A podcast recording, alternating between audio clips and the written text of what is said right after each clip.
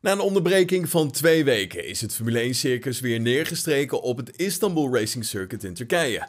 Vandaag waren natuurlijk de vrije trainingen en Mercedes die kwam wel heel erg sterk voor de dag. In aanvang van de vrije training werd wel bekend dat Hamilton de verbrandingsmotor in zijn power unit heeft vervangen. Ja, mocht dat zo blijven, dan levert het hem 10 plaatsen gridstraf op.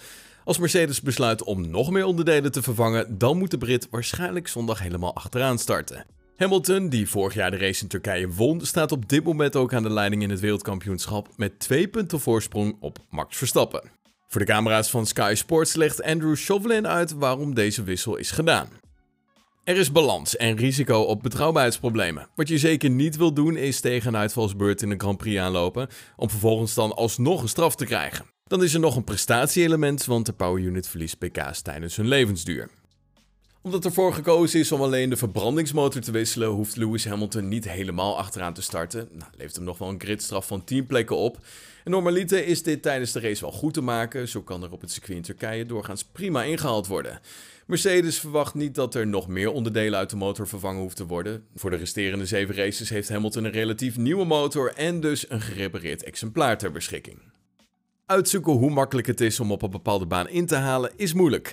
In je eigen hoofd weet je welke circuits goed zijn om te passeren. Sochi heeft een lang rechtstuk, maar ja, we hadden daar last van onderstuur en dat maakt het lastig daar. Hamilton voelde dat er hier veel kansen waren. Aldus Andrew Chauvelin.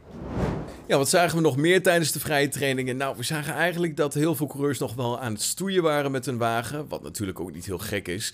Want op dit circuit is het eigenlijk weer een compleet nieuwe ervaring als je het dan weer vergelijkt met vorig jaar. Want toen was het een soort van Formule 1 coureursdans op het ijs. Verstappen die was ook nog zoekende. De balans was nog niet helemaal ideaal voor hem. En vooral de achterkant zorgde voor flink wat problemen.